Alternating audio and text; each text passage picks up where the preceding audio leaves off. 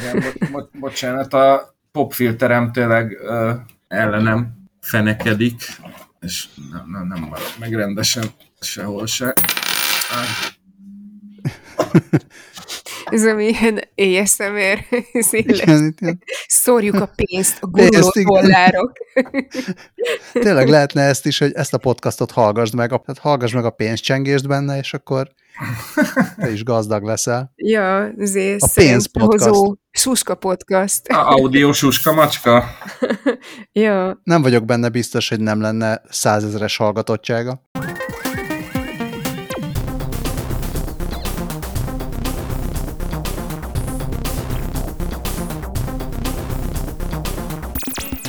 Drága hallgatók, szervusztok! Ez itt a 20 perccel a jövőbe. Én Lövenberg Balázs vagyok. Itt van velünk Scully, sziasztok. Itt van velünk Dávid, Hello. itt vannak velünk messziről jött emberek, mint például japánok. Itt most pár olyan hír lesz, ami a múltkori adásból kimaradt, mert olyan hosszú lett a múltkori adás, hogy már nem bírtuk podcasttal. Úgyhogy ezért, ezért van, hogy még a szokásosnál is, nem azt mondom, hogy elavultabb, de mondjuk kevésbé friss hír is lehet ebben. Hát kevésbé friss, de egy ilyen 2016 hetes mesebőlhöz képest ez, ez szinte, szinte még meg se száradt rajta a nyomdafesték. Igen, örökzöld.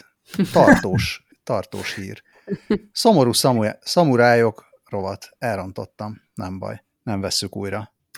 Már csak azért is szomorúak a szamurájok, mert az adás kezdete előtt teljesen furcsa anomáliákat produkált mindenkinek a mindenféle felvevő készsége, úgyhogy bízunk benne, hogy a drága hallgatók ezt viszonylag egységes hangerőn fogják hallani, és akkor egyből el is mesélném a Dottori Kun nevű egészen különleges japán vi- videójátékoknak a történetét nagyon gyorsan. Így gyorsan, egy nagyon gyors azonnali follow-up és lábjegyzetbe, Igen, hogy esetleg a anime és japán nyelv rajongók e-mail cunamiát megelőzendő, hogy ez kün. Dottori kün. Köszönöm szépen. Ö, Akkor tehát Dottori Kün, én kérek elnézést. Ö, Szóval az úgy volt ö, Japánban, hogy a 90-es évek elején ö, volt egy fura törvény, ami úgy fogalmazott, hogy a, voltak ugye ezek az árkád, ilyen, ilyen játéktermi, ilyen gép, játékgépek, ugye ezek az ilyen nagy doboz, van rajta pár gomb, meg két joystick, és van benne egy monitor, és akkor ebbe lehet dobálni a pénzt, és, és játszani a játékot. És ugye hát ezt a fenntarthatóság jegyében ö, úgy csinálták meg, hogyha az adott játék fölött már eljárt az idő, akkor nem kellett az egész kódszeret kidobni, kivették belőle a monitort, meg a, meg a vonatkozó áramkört, belepattintották a, az újabb verziót, amit tudom én, a Space Invaders 3-at a kettő helyett, és akkor, akkor lehetett tolni tovább a játékot. Viszont ö, hoztak egy olyan törvényt, hogy ezeket a, a játékgép dobozokat ö, nem lehetett üresen árusítani. Ö, egész konkrétan a szabályozás az úgy fogalmazott, hogy, hogy valami, valami játszhatónak, játszható dolognak kellett ra, benne rajta lennie, ö, és akkor ezért a, a gyártók ö, többek között például a Sega vagy a Taito lefejlesztettek ilyen, ilyen faék egyszerű játékokat, amik, amik igazából úgy néz, olyan volt, mint a pac csak nem volt benne kis sárga golyó, vagy, vagy, ilyen, vagy például a Space Invaders, ha már szóba került, és ezeket rakták bele ezekbe a szekrényekbe, amikkel aztán egyébként senki nem játszott, mert ez ugye megérkezett a játékterembe, és mint egy ilyen IKEA-s fotókeret, amiben ugye beraknak egy ilyen stock fotó családot, hazaviszed, kidobod belőle, belerakod a saját fotódat, és örülsz neki, na ez is, ezek a gé- játékgépek is így jártak. Megérkeztek, ezt a Dottori Kün játékot kicsapták belőle, belerakták a rendeset, és már üzembe is lehetett állítani. Azt írja Nicole Brennegan, akit a Boeing Boeing-gon idéznek, ö, hogy egy 4 MHz-es órajelű Z80-as számítógép, gondolom akkor ez egy spektrum lehetett talán, volt ezekben a Dottori Kün egységekben, 2 KB RAM volt benne, azt is leírja Nicole Brennan, egy összehasonlításként egy 1977-es TRS-80 modell van típusú számítógépben 1,77 MHz ketyegett, és 4 kilobájt RAM volt benne, tehát hogy ezek a Dottori játékok tényleg a bazira egyszerűek voltak, de hát ne, nem, is, nem is arra volt tervezve, hogy ezzel bárki játszon, bár azt egyébként megjegyzi Brenegen, hogy a, a, a processzor és az órajel az, az megegyezett a Sega Master System sajátjával, és, és annyi RAM volt benne, mint, a, mint az első Nintendo Entertainment Systemekben.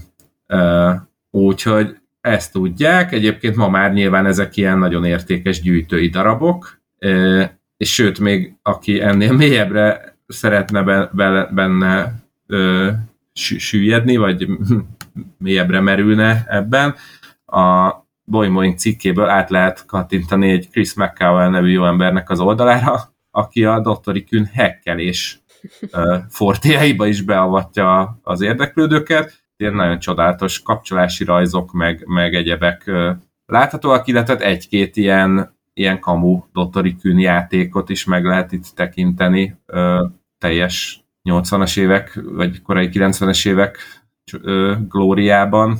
Nagyon tetszik az indoklása a Dottori Kün hackingnek, mármint a Chris McCavel indoklása, hogy ezek ugye nem olyan értelemben voltak, hogy ilyen kazettának hívják ezeket, ugye játékkazett, de nem olyan értelemben voltak játékkazetták, hogy, hogy ez csak szoftver volt, hanem ez egészen konkrétan egy számítógép volt, tehát magát az egész hardvert, nem az egész hardvert, hanem hogy egy tényleges számítógépet és a szoftvert rakták be, mint játékot. Tehát olyan volt, mintha egy ilyen kis kézi uh, hordozható konzolt bedugnának játékkal együtt ebbe a nagy szekrénybe. És hogy uh, ez a jó ember azt mondta, hogy hát igazából ő sajnálta ezt a szegény számítógépet, hogy őt csak erre használták, és akkor ezért arra gondolt, hogy hogy akkor kihasználja ennek a mai szemmel nézve szerény, de hát akkor fantasztikus képességeit, mint például két kilobájt RAM, és a nyolc választható színből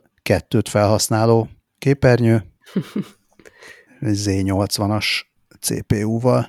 Egyébként a, a technológiai finomságok iránt érdeklődőknek még azt is el lehet mondani, hogy ezek a Dottori Kün játékok a MAME emulátoron futottak, ami a Multiple Arcade Machine Emulator nevű nyílt forráskódú cucc, bár ezt nem teljesen értem, mert erre azt írja a Wikipédia, hogy az 97 februárjában jelent meg, de akkor ez lehet, hogy valami korábbi változat lehetett.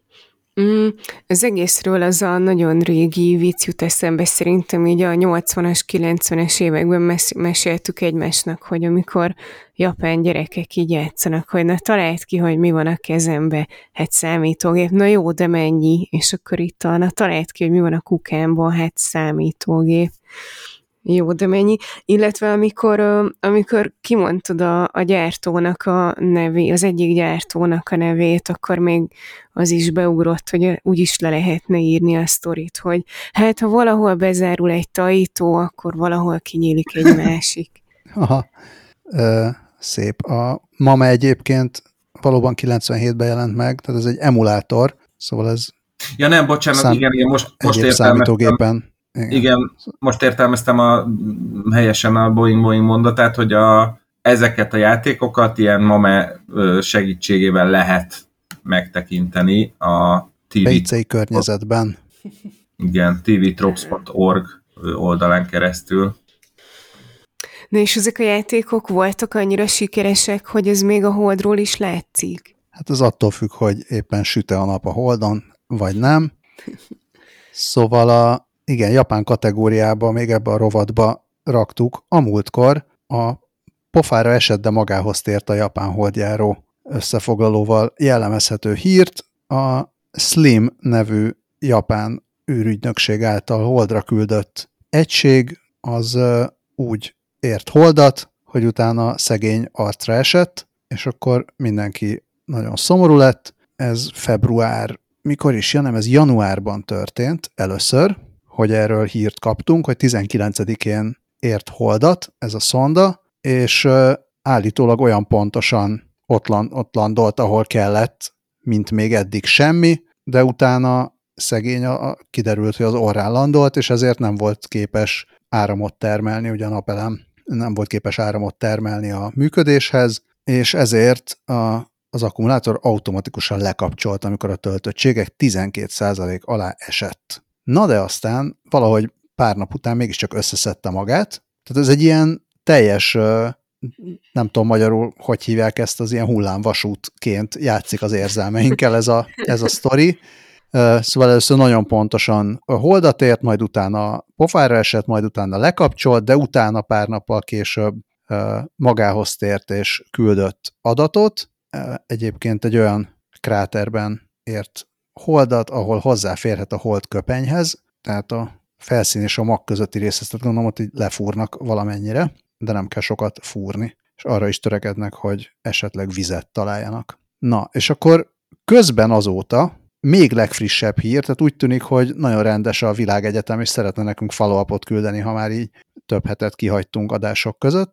Szóval a Japán űrkutatási hivatal mai napon közölte, hogy a Slim Holdi egysége csodával határos módon újjáélett a hosszú holdi éjszaka után, mivel a nap újra olyan szögben érte az eszközt, hogy ott, hogy ott újra tudta tölteni a napelemeit. Két hétig volt vészüzemmódban, ugye, mint mi, bármi a leszállás után nem borultunk le és aludtunk el, de megőrizte kommunikációs képességeit. És még azt is közölte a japán hírügynökség, vagy űrügynökség, vagy űrhírügynökség, hogy a holdra szállót nem a zord holdi éjszakákra tervezték. Hmm. Hanem...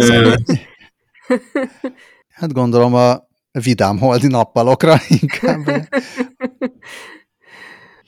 Két dolog jutott eszembe illetve az egyik az nem eszembe jutott, hanem azt láttam a Gizmodo cikkében, hogy ez a nagyon pontos leszállás, ez egész konkrétan azt jelenti, hogy a kitűzött helyszín 100 méteres körzetében sikerült talajt fogni. Igen, 55 a, métert ír a Telex cikke.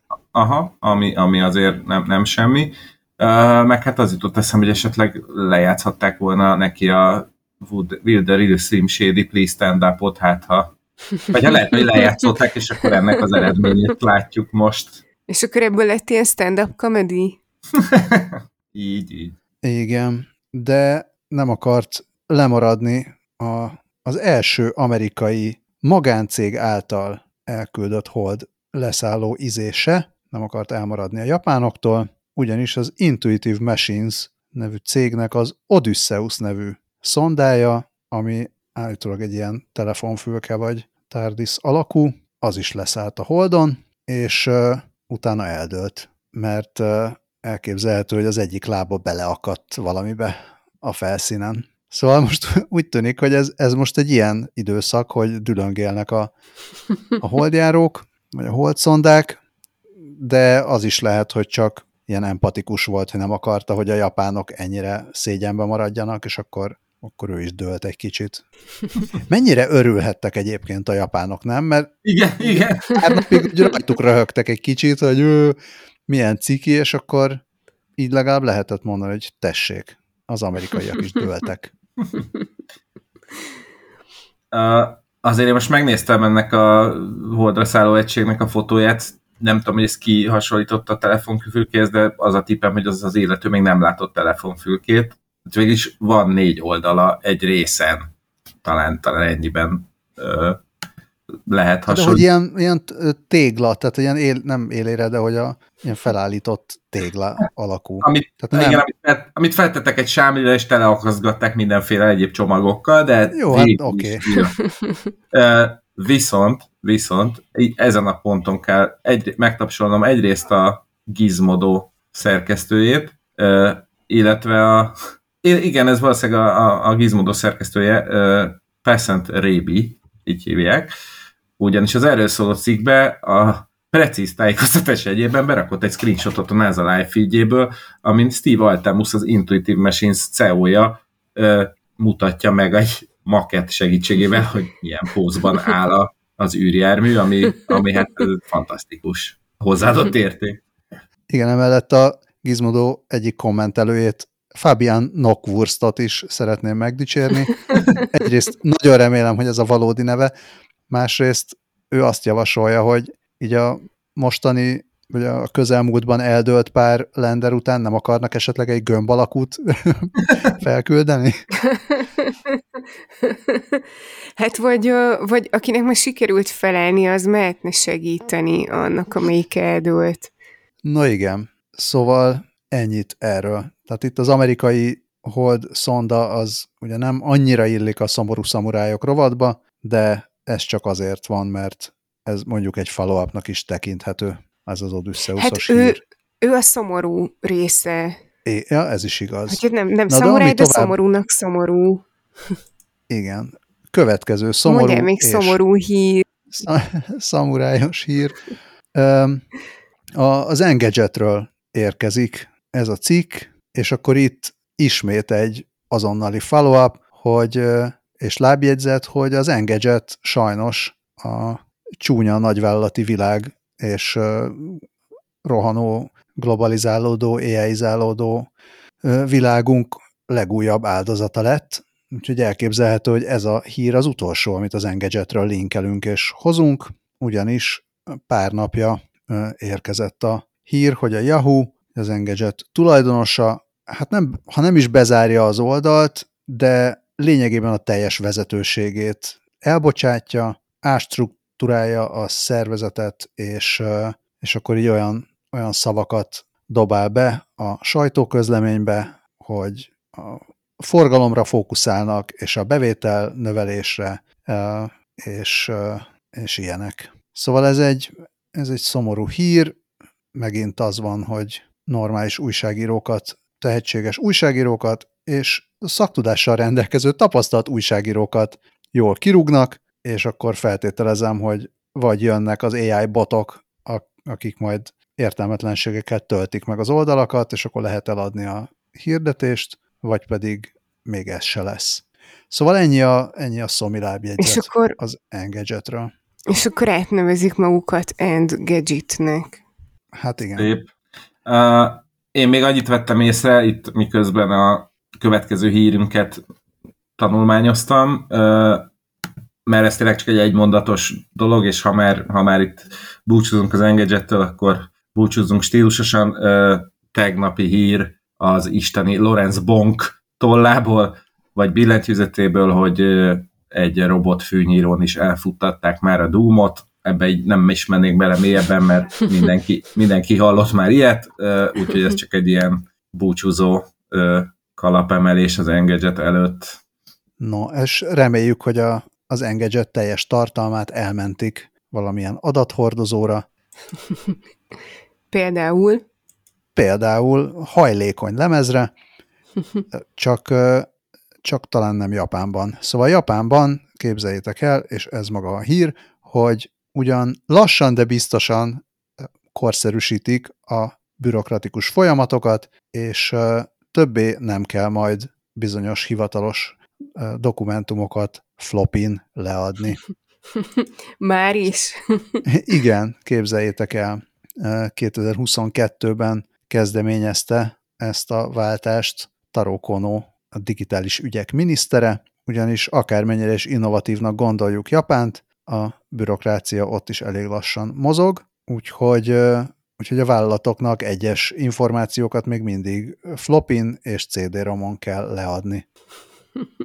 Atya Isten, hát hova ez a nagy sietség? Igen, de 2024 után már, a, már, már nem ez lesz. Legalábbis a, a kereskedelmi és Ipari Minisztériumnál, ami az első minisztérium lesz, ami, ami erre az új szabályozásra áttér, tehát 2025-től ott már nem kell 34 féle különböző szabályozás szerint a dokumentumokat flopin leadni. És melyik a többi minisztérium, ahol ez még megmarad? Nem tudom, de állítólag körülbelül 1900 különböző olyan protokoll van, ami áttöleli a teljes kormányzatot, ahol még, még ilyen hasonló adathordozókon kell leadni hivatalos adatokat, van, ahol minidisken. Jézusom! Wow. Igen. De ho honnan szerzik ezeket be? Ez egy nagyon jó kérdés, ez merült fel a minisztériumnál is, ugyanis ez a, ez a probléma, hogy a, a flopikat már ugye elég nehéz beszerezni ezt a múltkor, múltkor volt ugye az a floppy gyűjtő Uh-huh. Igen, igen, igen. emberke, akiről, akiről beszéltünk, gondolom ő is felvásárolta ezek nagy részét, de hogy például, ami Japánt illeti, ott ugye Sony volt a, az egyik utolsó nagy gyártó, ő 2011-ben uh, állította le ezeknek a forgalmazását, tehát nem is a gyártását, hanem a forgalmazását, és a másik probléma az meg az, hogy ugye talán bizonyos hallgatók még emlékeznek rá, hogy itt ugye ez a 1,44 század megabyte, tehát egy picivel kevesebb, mint másfél megabyte volt ezeknek a tárhelye, vagy kapacitása. Hát jelenleg ez mondjuk egy nem túl nagyméretű fotó. Tehát, hogy elég nehéz, elég nehéz lehet bizonyos típusú adatokat flopin leadni. Persze mi még ugye azért emlékszünk azokra a játékokra, amiket 14 flopin kellett betölteni. Tessenek bemásolni, szépen tömöríteni az állampolgároknak. Ja, igen, ezt így kicsit lelkesebben töltögeti az ember. Azért úgy, hogyha, hogyha egy bulvár oldalra írnék hírt erről a témáról, tutira előném azt a címet, hogy lemeztelenítik Japánt. Oh, oh, oh. Persze ez elég nagy marhaság lenne, de hát vannak más marhaságok is. Hát igen, nagyon gyorsan ugrottál át Ja, bocs. a következő sztorira, ami, ami nem Japán, tehát de innen nézve akár lehetne Japán is, mert messze van az is, hanem Korea, de hát mondhatnánk azt, hogy, hogy közelítünk Japán felől, eh, érkezünk kicsit nyugatabbra. Szóval Koreában egyes tudósok úgy gondolták, hogy milyen finom ugye a marha húsos rizs, mi lenne, ha ezt nem kellene ilyen béna módon két külön összetevőből összeállítani, úgyhogy ők azt csinálták, hogy a, a rizsbe egyszerűen így beleültették valahogy a marhákból származó izom és zsír sejteket. Mm, összefut a nyál a számban. Úgyhogy ez a, ez a hibrid rizs állítólag így aztán Hibris. magasabb, magasabb fehérje és zsírtartalmú, és sokkal könnyebb, és gazdaságosabb és hatékonyabb termeszteni, vagy hát így inkább azt mondom, hogy előállítani, mint hogyha külön-külön tartanák a marhát meg a rist. Tehát akkor ez, ha jól értem, akkor ehhez már marha se kell, tehát akkor így a marha hús,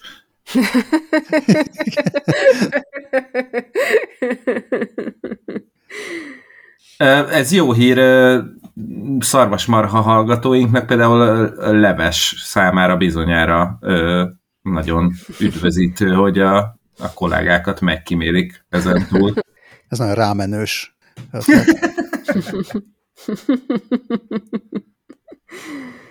Jó, hát esetleg gondolkodhatunk még a további kombinációkon, hogy mit lehetne még így összevonni. Majd én ilyen némi félreértéseket vizionálok, amikor a, a koreai nagymama összedob egy jó kis gyümölcsrist a családnak, és, és hát nézi, hogy hát ez már eleve megylébe van áztatva, olyan szép rózsaszínes a színe. Ja, egyébként az a neve ennek, hogy Microbeef. Úgyhogy a, a magyar reklámkampányhoz nekem már megvan az ötletem, hogy ki lehetne itt a kabala figura. Nagyon szép. Én, én esetleg a, az ilyen Amerika nyugati parti bevezetéshez javasolnám, hogy reperek egy kicsit balhézanak össze egymással. De tényleg csak egy kicsit. Ha? Ja. De Ki kap több rist. Arra gondoltam, hogy Magyarország szerintem amit meg lehetne oldani, az valahogy a, a paprikás krumpli, hogy a, a krumpliba már a paprika benne lenne egy kis Hmm. kolbásszal. Korrekt, korrekt. Ja, vagy somló, meg a galuska. A som, a ló és a galuska. Ez ugye az AI félreérti. Jó, hát akkor meg már a Star Wars pörkölt. Oh, oh. Igen.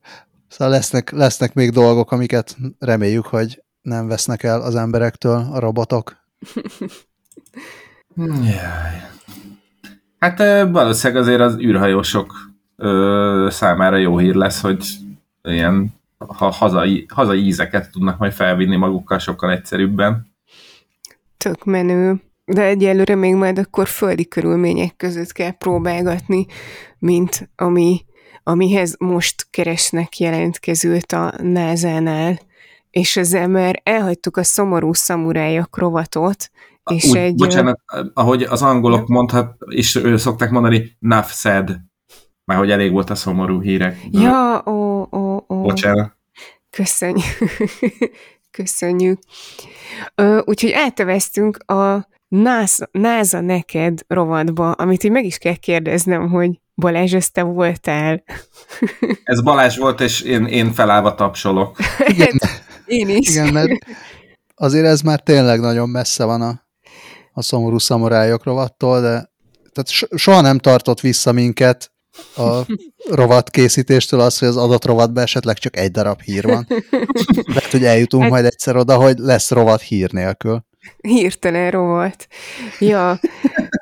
Ö, én, én ezt még így, azt hiszem, hogy így valahogy a holdas üzékhez akartam befűzni, de, de tényleg, tehát hogy azért ehhez a rovat címhez ö, valóban bőven elég ez is, ez ö- önmagában a rovat cím. Jól látom, hogy, jól látom, hogy nagyjából amíg beszéltünk róla, addig az Engadget-től Passant Rébi átkerült a Gizmodóhoz. Ó, Ezúton is gratulálunk neki. hát lehet, hogy ő több vasat tart a tűzben. Hát, ja, minden esetre a, már a Gizmodon ő írta ezt a hírt arról, ja, nem, hogy... bocsánat, az el, bocs, hülyeséget mondtam, ne haragudj. Mert a múlt, a Engadgeten nem ő írta, csak emlékeztem a nevére Ja, a korábbi hírben.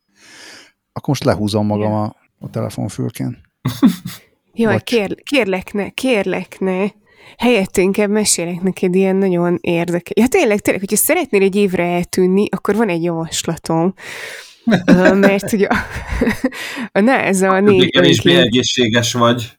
Ö, igen, igen. Hát egyébként az a baj, hogy nem fogsz megfelelni, mert amerikai állampolgárokat keresnek sajnos, pedig a, a cím alapján én is arra tippeljetek, hogy megláttam, akkor így arra gondoltam, hogy ugye ha már biztattuk a, a hallgatóinkat, hogy jelentkezzenek a magyar űrhajós programba, akkor ö, úgy voltam vele, hogy így er, erre is buzdítom a kedves hallgatókat, de utána, ahogy így jobban beleestem magam a témába, akkor láttam, hogy hát sajnos ö, amerikai állampolgárokat keresnek, és ráadásul még, ö, még az is kell, hogy ö, hogy valamilyen STEM területen legyen diplomájuk. Ö, Azt nekem megvan. Ah, tudom, tudom, azt gondoltam. Még, még tényleg, tényleg is az ezer óra Nincs ezer, pilóta órás, tapasztalatom. nincs ezer órás pilóta tapasztalatom sajnos. Jó, de nem baj, a, a STEM diploma is elég, de igen, hát... Hát a- meg egy zöldkártyás házasság ez esetben még gyorsan összerántható lehetne. Akkor a kedves amerikai hallgatóinkat arra kérjük, hogy tegyenek házassági ajánlatot Balázsnak, hogy Balázs részt vehessen. Így jó Esetleg lesz. mormonok, hogy második feleségnek beférjenek, mert egy már van. Ja, ö, na, szóval ennek a, ennek a kísérletnek, ö, hát ennek az, az a lényege, hogy így azt akarják tesztelni, hogy, ö, hogy hát így hogyan működnek emberek a marsi körülmények között, és egyébként, mint megtudtam, ez már a második ilyen kísérlet lesz, Az elsőben egy ö, 1200 ö, négyzetláb területű helyen laktak, a mostani az most már 1700 négyzetláb, ami 157 négyzetméter körül van, és erre a Gizmodon ö, azt írta ö, az újságíró, hogy hát, hogy ez egy két hálószobás lakás, ami nem tudom, nem tudom, lehet, hogy ott akkor így kicsit nagyobbak a lakások.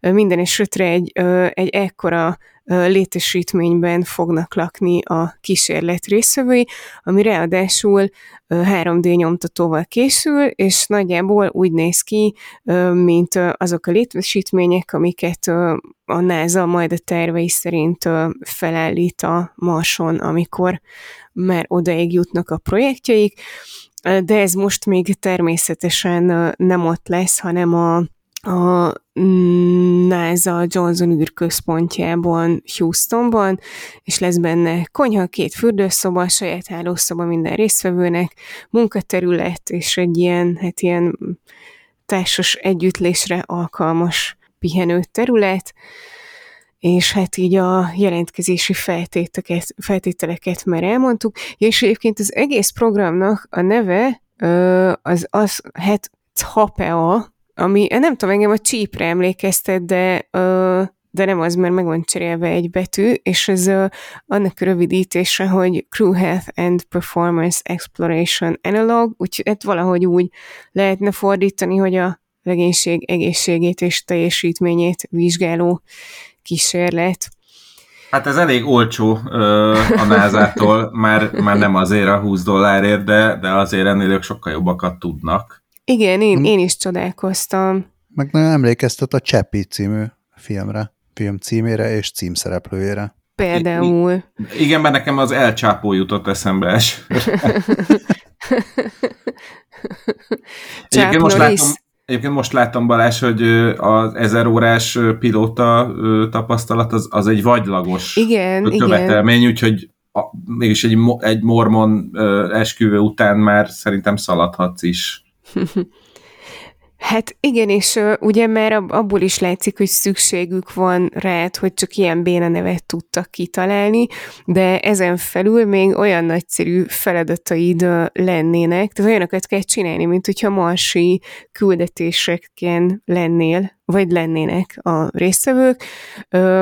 Például szimulált űrsétákat kellene tartani, hát valami robotik fizikai műveleteket kell végezni, karban kell tartaniuk az élő helyüket, hát a személyes higiéniáról is úgy kell gondoskodniuk, mint ahogy a marson tennék, és növényeket is kell termeszteniük maguknak, és hát természetesen a testmozgásról is gondoskodniuk kellene, és ráadásul ilyen 22 perces csúsztatással tudná, vagy eltéréssel tudnának beszélni a, a kommunikációs központtal, ugyanúgy, ahogy, ahogy a Marson is. Ja, és tényleg a testmozgásról jut eszembe, hogy jó, ennek mondjuk megfelelsz Balázs, hogyha jól tudom, de hogy, hogy ráadásul oda volt írva, hogy nem dohányzó embert keresnek, és uh, tényleg ebben bele gondoltam, hogy, hogy igen, hát a Marson nem fognak cigizni, vagy, hát, vagy biztos nem úgy fognak cigizni, mint itt, hogy kiállnak a ház elé elszívni egy,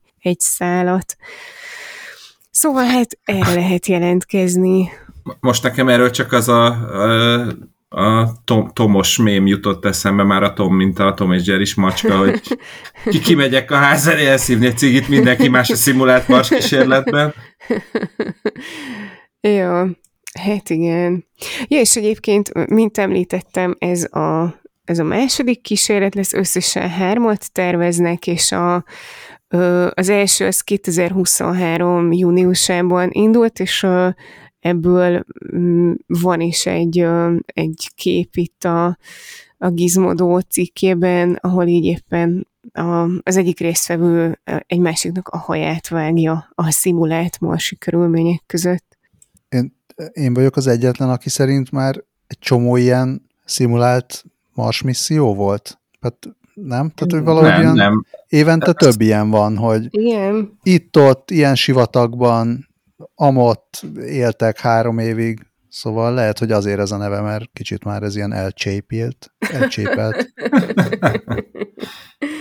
Ja, abszolút, tehát ennek többféle verziója is van, ugye van ez, amikor ott kell élni, meg van olyan is, amikor az oda, odautazást szimulálják, az egy kicsit keményebb ennél, mert uh-huh. itt, itt azért látható, hogy itt a rövid naciba meg pacskárba nyomják ott a házon belül, és a, akkor a, az oda repülés szimulálása az, az ennél egy picit kényelmetlenebb körülmények között zajlik. Uh-huh. Halló, halló. Most eltűntünk, vagy csak mindenki várja? Várja, el, mondani. eltűntünk, mint a vonalkódok. Csodálatos rebound. Á, áhítatta a szemléltük szerintem a híreket. Vagy kis kételkedéssel. Mert eltűnhetnek a vonalkódok? Hát igen, ezt az eredeti hírt ja igen, nem, nem, ez valóban, ezt, ezt a hírt teljes, teljes mértékében én dobtam be. Ez is a Boeing Boeingról érkezett, és hát valóban kérdőjellel van a cím feltéve, és egyből meg is van válaszolva, hogy még nem ért véget a vonalkódok kora. Uh, pedig készült, készült egy The Last Days of the Barcode című interjú ezzel kapcsolatban. És hát így az a, az a helyzet, hogy elkezdtek azon gondolkodni, hogy most biztos, hogy kell minden termék csomagolására ez a fekete-fehér izé, amit csak belerondít a dizájnba, csak a baj van vele, most csak azért, hogy ezt lepittyentsék a, a pénztárnál. Uh, if, ifjabb hallgatóink kedvéért uh, visszatekintünk egy kicsit a, a múltba, ugye hát a vonalkód az a, az a 70-es években jött létre, uh, és, és hát embertelen uh, karriert futott be. Uh, egyébként az IBM uh, által kifejlesztett megoldás futott be, volt többféle elképzelés, hogy hogy, hogy nézzenek ki ezek a dolgok.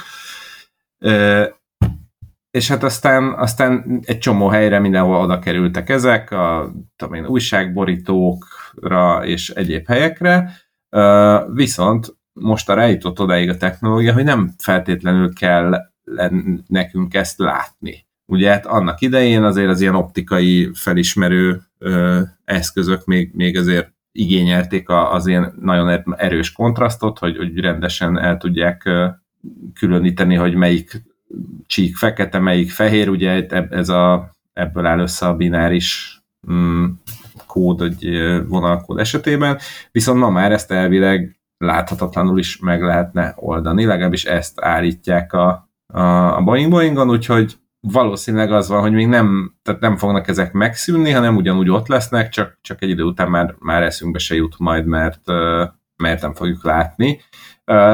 Amíg, amíg pedig ez mm, ide eljutunk, hogy hát a vonalkódok eltűnnek, meg kíváncsi leszek, hogy a QR kódokkal mi lesz, mert hát azok még most itt maradnak egy darabig. Minden esetre mindenkinek ajánlom a Wikipedia barcode oldalát, ahol lehet különböző típusú vonalkódokat böngészni, és az a sztori viszont nincs ott, ami a Boeing Boeing cikkében, amit idéznek a Last Days of the Barcode egyik interjújából, ahol elmondják, az a Sahil Desai, aki nem tudom ki, de gondolom valami nagy ember a vonalkód világában, és azt mondja, hogy a 70-es években, amikor még nem tudták eldönteni, hogy most akkor a, ugye a később alkalmazott IBM ilyen zebracsíkos vonalkódot használják, vagy pedig valami más rendszert, akkor ezen ilyen nagy, mély és elhúzódó viták mentek, és a, ezek ilyen kiskereskedelmi láncok különböző vezetői voltak, és akkor az egyik figura arra gondolt, hogy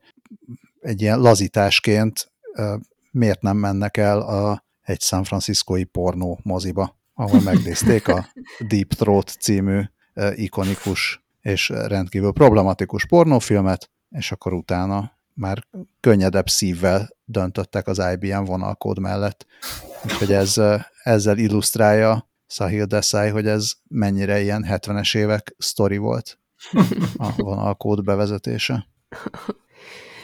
Hát én, én meg annyit tennék hozzá, hogy, hogy a vonalkód az nem feltétlenül rontja el a termék dizájnt, és be, bedobtam egy linket a Board Pandáról, ahol egy csomó olyan példát gyűjtöttek össze, ahol ilyen tök ötletesen oldották meg, hogy hogy, hogy belevonták, a, vagy, tehát hogy a vonalkódot a termékhez szabták, és akkor van itt egy, tehát rögtön az első az egy olyan, hogy így a, egy ö, csomag tésztának a vonalkódja az úgy néz ki, hogy a végén ott így, mint hogyha spagettit tekerne föl a vonalkódból a villájára valaki.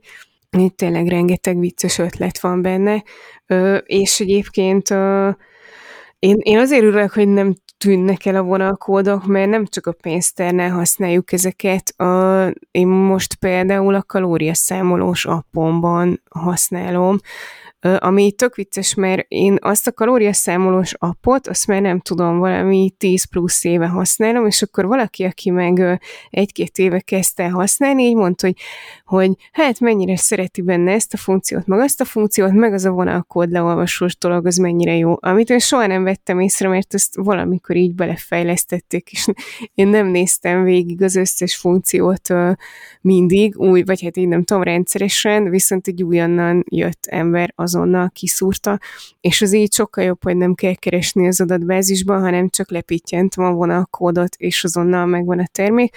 Mondjuk az egy, az egy másik dolog, hogy nem, nem mindig működik a funkció, meg nem jól ismeri föl, de, de, de ez is egy ilyen tök jó felhasználási területe. Egyébként ilyen... mert én is használtam hasonló applikációt, és, és én egyszerre voltam, Scully, te, meg az ismerősöd, mert használtam valamikor, és aztán egy ideig nem, és aztán amikor újra használtam, akkor felfedeztem, hogy jé, azóta belefejlesztették ezt a vonalkodós dolgot, és nagyon örültem neki.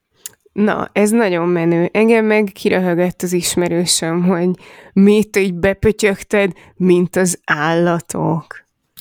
Egyébként Érdekes, hogy azt mondod, hogy néha nem működik, mert a, pont a, az Atlantikes uh, Said Desai uh, interjúban hangzik el, pont itt láttam, hogy uh, nagyon jó a hiba, vagy a, a nagyon pontosan működik, 400 ezerből egy vonalkód, ahol hiba lép fel.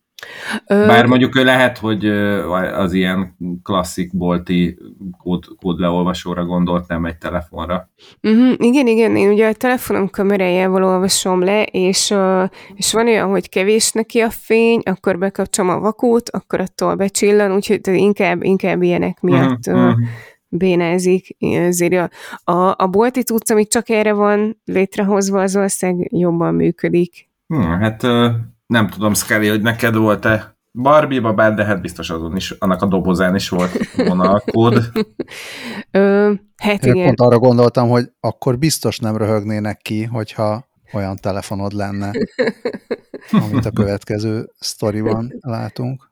Hát ezt nem tudom, ezt majd még meglátjuk, mert uh, beraktam egy hírt arról, hogy majd lesz Barbie telefon, de még, uh, még nem leplezték le a Barbie telefont. A, az egész hír, amikor így olvastam... Melyik rovatban van ez a hír? Ja, ez a két... Már is, ugye? Minden, minden, mindenre fény derül. Igen, ez a kétes hírek rovat. És nem képes, ugye, mert hogy kép az még nincsen a, erről a csodálatos telefonról. Igen, és de... nem két S, ami, a, ami az SS hír, ami ebben a podcastban nincsen. Ja, ha nem képtelen, ja. Ö, szóval az történt, hogy a, az HMD, az a Human Mobile Devices nevű cég, ami korábban Nokia volt, bejelentette, hogy együttműködik a Mattel és kiadnak egy Barbie telefont, és az egész hír az nekem így, így valahogy ilyen 2010-es évek eleje vibe volt, vagy 2000-es évek vége. Tehát az, hogy a, hogy a Nokia kiad egy Barbie telefont, ami ráadásul egy flipes telefon, és, az, és a fiatalokat célozza vele, hát az egész így ilyen színes, szagos, csodálatosan hangzik. Ö, és ö, hát azon kívül, hogy flipes telefon, azt írja, tehát úgy fogalmaznak, hogy feature phone, és így az jön le így a szövegkörnyezetből, hogy ez, tehát, hogy ez így Ebben így kevés, kevesebb olyan funkció lesz, mint a hagyományos okostelefonokban, és, és segíteni akarják vele a fiatalokat abban, hogy, töl, hogy csökkentsék a kütyüzéssel töltött időt, és szerintem erről viszont már beszéltünk, amikor korábban ö, adott ki valami flipes telefont a Nokia per HMD vagy HMD, hogy vannak felméréseik arról, hogy a, hogy a z-generáció tagjai így egy kicsit besokaltak a, a social médiától, meg a kütyűzéstől, és, és vissza akarnak venni a, az online töltött időből, és és személyesen akarnak dumálni a barátaikkal, és ö, olyan szavak, és a, a közlemény szerint ö, ezek a az emberek, vagy fiatalok úgy hívják magukat, hogy screenagers, ami nagyon tetszik, meg az egésznek a, a szlogenje is nagyon tetszik, mert ugye a sajtóközleménynek a címe az úgy kezdődik, hogy Unplug and Play, uh-huh. ami hát tényleg így ebben, ebben fogja segíteni őket. Na, de a legviccesebb az az, hogy kiadtak egy sajtóközleményt arról két napja, hogy majd a Mobile World Congress kiállításon bemutatják ezt a telefont, és nincsenek róla képek, meg igazából így a specifikációkról semmiről nem ö, írnak benne, hogy mégis így mit fog tudni pontosan ez a telefon, mert hogy majd, a, majd az MVC-n bemutatják, de, de egyelőre, mikor még az adás előtt rákerestem, akkor nem volt róla hír, úgyhogy csak ezek a cuki képek vannak itt a, ö, a közleményben, amin hát barbik láthatók ilyen rózsaszín flippes telefonnal, de biztosan nagyon menő lesz. Nekem erről, amikor én is láttam ezt a Screenager, meg ilyen hasonló sztorikat, uh, erről eszembe jutott az, a, az, amikor egy Megan Jasper nevű újságíró, nem is tudom, hogy újságíró volt-e ő, vagy, vagy manapság azt mondanánk, hogy blogger, mindegy, vagy 92, 1992-ben, amikor kezdett népszerű lenni a, a grunge kultúra, akkor a New York Times-ba írt egy, írt egy cikket, vagy talán cikk sorozatot a grunge slangről, és hmm. oda így kitalált szavakat. Tehát, hogy ez egy teljes, teljesen átverés volt ez a, ez a cikk sorozat, nem egy cikk. Grunge egy sikertörténet címmel írt egy, írt egy cikket, és telerakta olyan slang szavakkal, amik nem léteztek.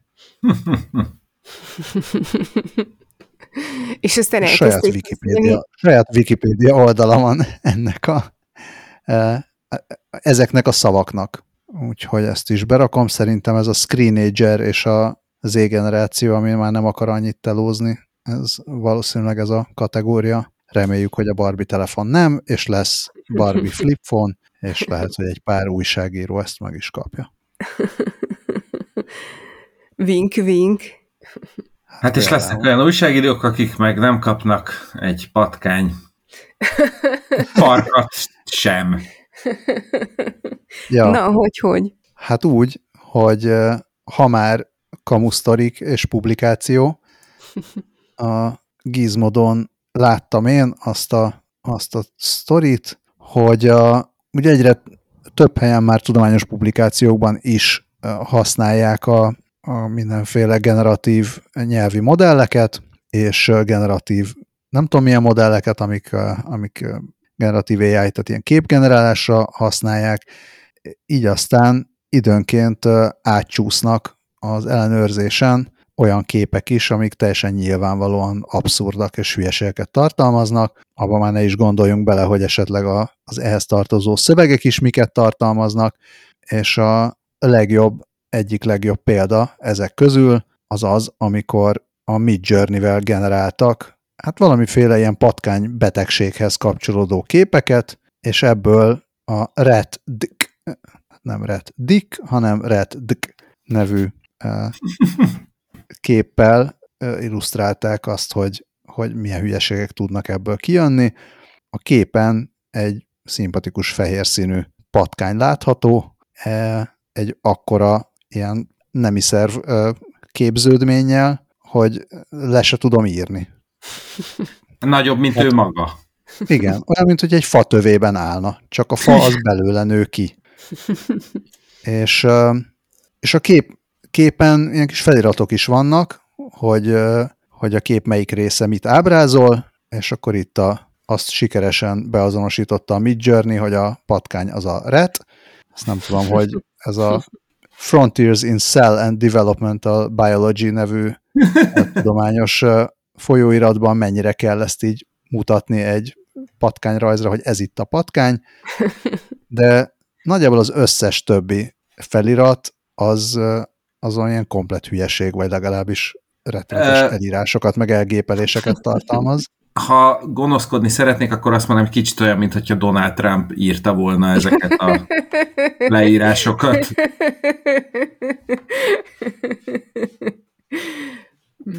nagyjából... Vagy, vagy egy államfő. Igen, vagy, vagy az. Igen, azt állítja a cikk, hogy a, a szöveg része a cikknek az úgy tűnik, hogy valid, ami, ami a, a emlősök heréiben található őssejtek és különböző ilyen mi ez a signaling pathway, valamilyen utak, tehát ilyen jelzés.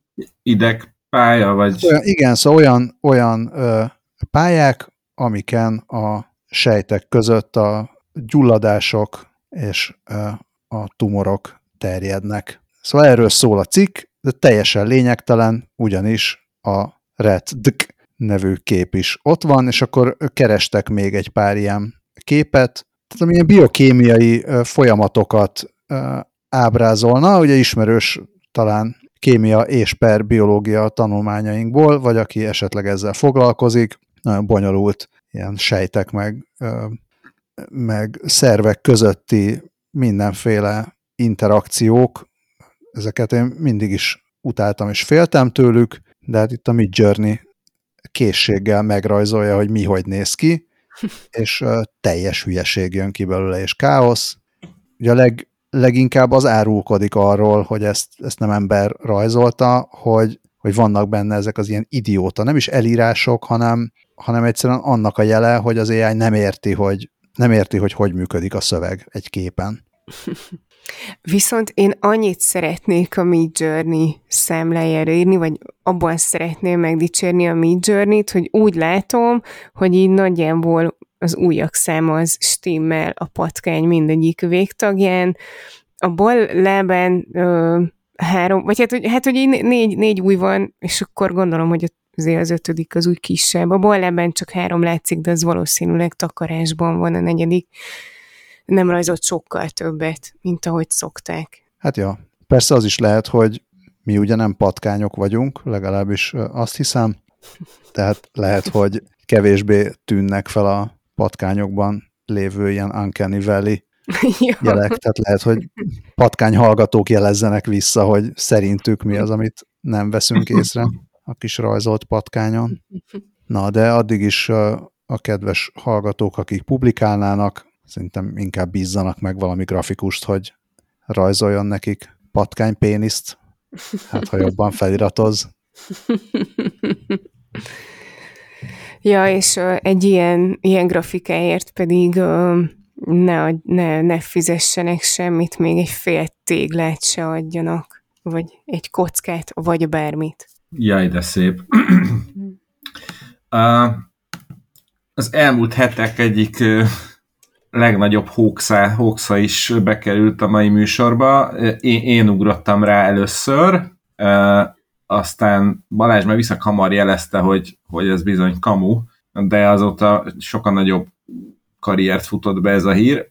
Én elmondanám az eredeti alap, alaphírt, ami, a, ami úgy hangzott, hát ilyen Twitter posztokban, meg Facebook posztokban kirakott mint hogyha egy screenshot lenne egy valahonnan egy blogról egy, egy ö, nyitott ilyen kézikönyvszerűséget ábrázol, és az a szöveg benne, hogy, hogy valaki az interneten megtalálta az eredeti kiskönyvet, ami a, az eredeti Nintendo-s Tetrishez járt, és, ö, és ebből kiderül, hogy az egyes Tetris daraboknak saját, mindegyiknek van neve. A, például van a két L alakú elem, a, az Orange Ricky és a Blue Ricky, van ugye ez a két ilyen, ilyen lépcsőzetes alakzat, ezt a ez szerint Cleveland zének és Rhode Island zének hívják, van a, a, a négy, ö, négy blokkból álló egyenes, ugye a, a legjobb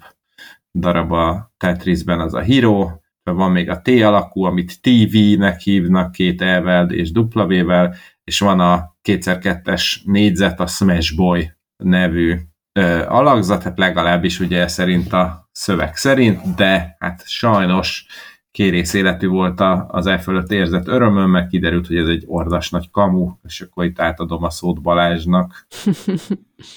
és én nem is akarok túl sokat már hozzátenni azon túl, hogy kamu, hogy olyannyira hatásos, vagy annyira szerették volna az emberek azt hinni, hogy tényleg, hogy amikor ez valamikor a 2010-es évek végén előjött, akkor még a, még a Jeopardy nevű kvízműsorba is bekerült kérdésként a, a, az egyik. Tehát a, a Nerdist cikkét majd belinkelem, hogy, hogy igen, valamikor 2019. októberében volt egy ilyen kérdés, vagy hát ez a kérdés, kérdésnek általázott állítás, ugye, hogy a Jeopardy-ben szokott ez lenni, hogy ott, ott ilyen állítás van, és akkor kérdéssel kell rá válaszolni.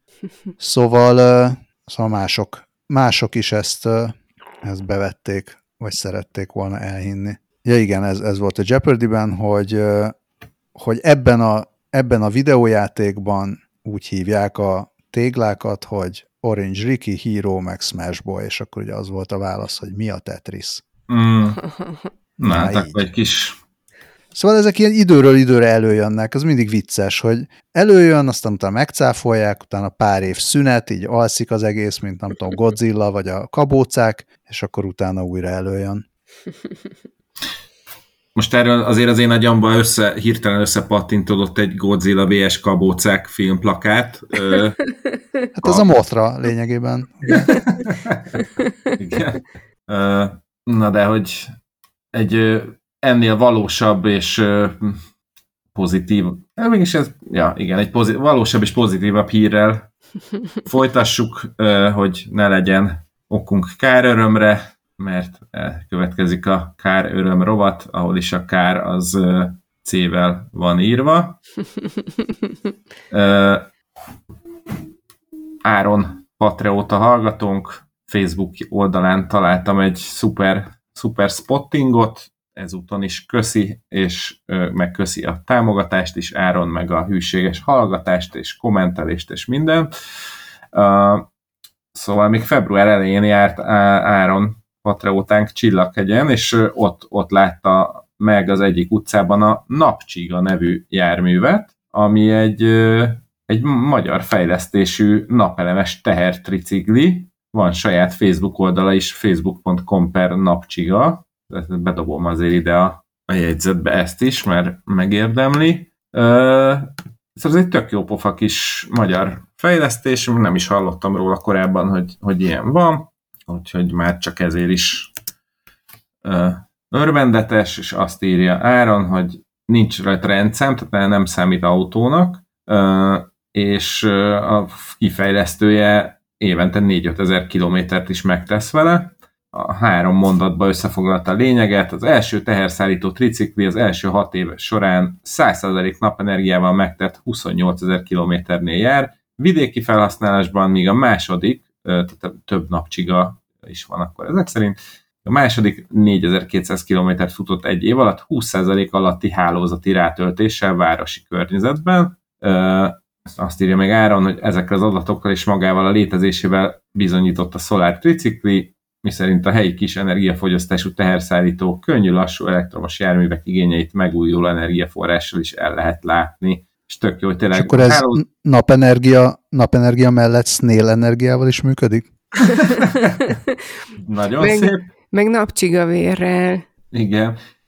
Egyébként az oldalán van két ilyen nagy napelem meg, meg a, gondolom, igen, azt hiszem, hogy a tetején is, bár ez nem látszik a képen, és egy ilyen komplet kis kabin van elől, lámpák a tetején, meg az elején, meg a hátulján, tehát tényleg azt tudja, ami, amit tud, úgyhogy szerintem tök menő, drukkolok a, a fejlesztőknek, hogy, hogy minél nagyobb sikert érjenek el vele.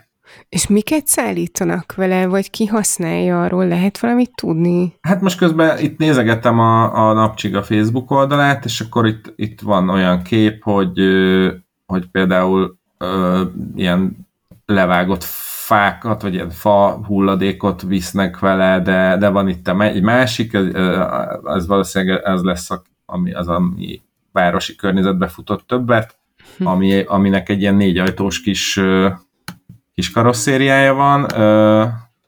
A 2019-ben jelent meg a vezes.hu-n egy cikk a napcsigáról, ahol azt írják, hogy dr. Dőri István a Tatabányai Edutus Egyetem docense. fenntartható fejlődést, megújuló energiákkal kapcsolatos ismereteket oktató fizikus, biofizikus.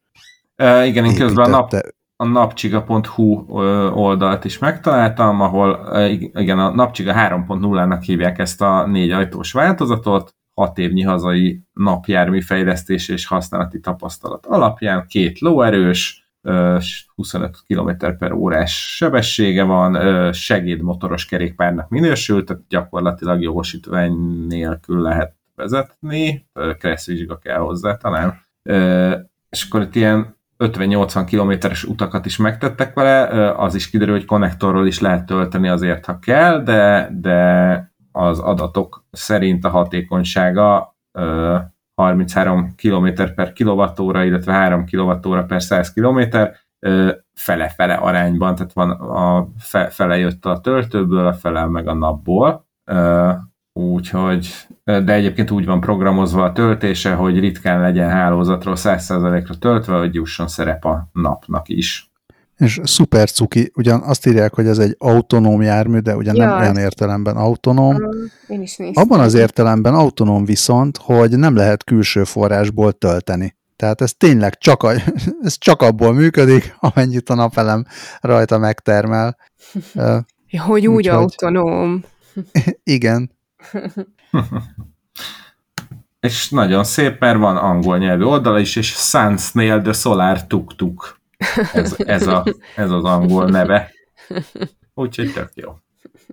No, most az fog megtörténni, hogy a rovat átível a rendes adásból a Patreóta contentba, úgyhogy itt most a drága nem Patreóta hallgatóktól majd szépen elköszönünk, és a drága Patreóta hallgatók még meghallgathatnak egy hírt a Káröröm rovat Patreóta szakaszába. Mit szóltok ehhez? Ne szóljatok semmit, vagy ha szóltok, azt mi nem halljuk, mert így működik egy a podcast, de hogyha írtok e-mailt róla, akkor, akkor megtudjuk.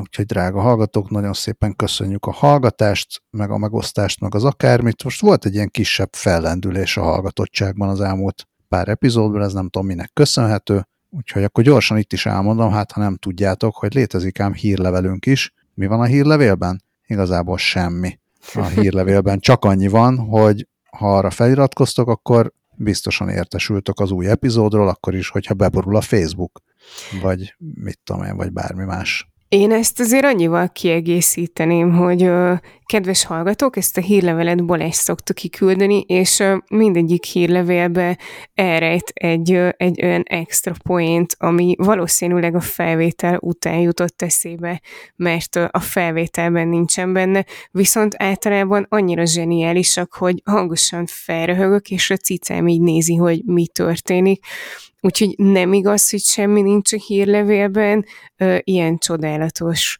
ö, plusz poénok vannak benne. Csak ez Balázs nem mondhatta el, mert nem akarta magát fényezni. Nem akartam magamra irreális elvárásokat rakni, mert... ja, bocs!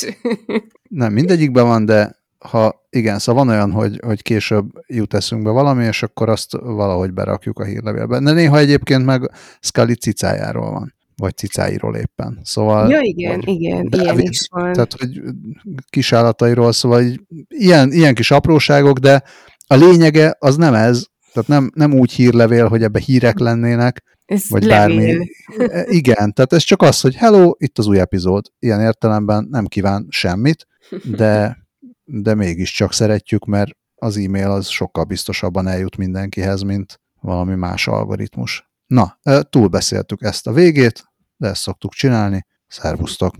Sziasztok! Hello!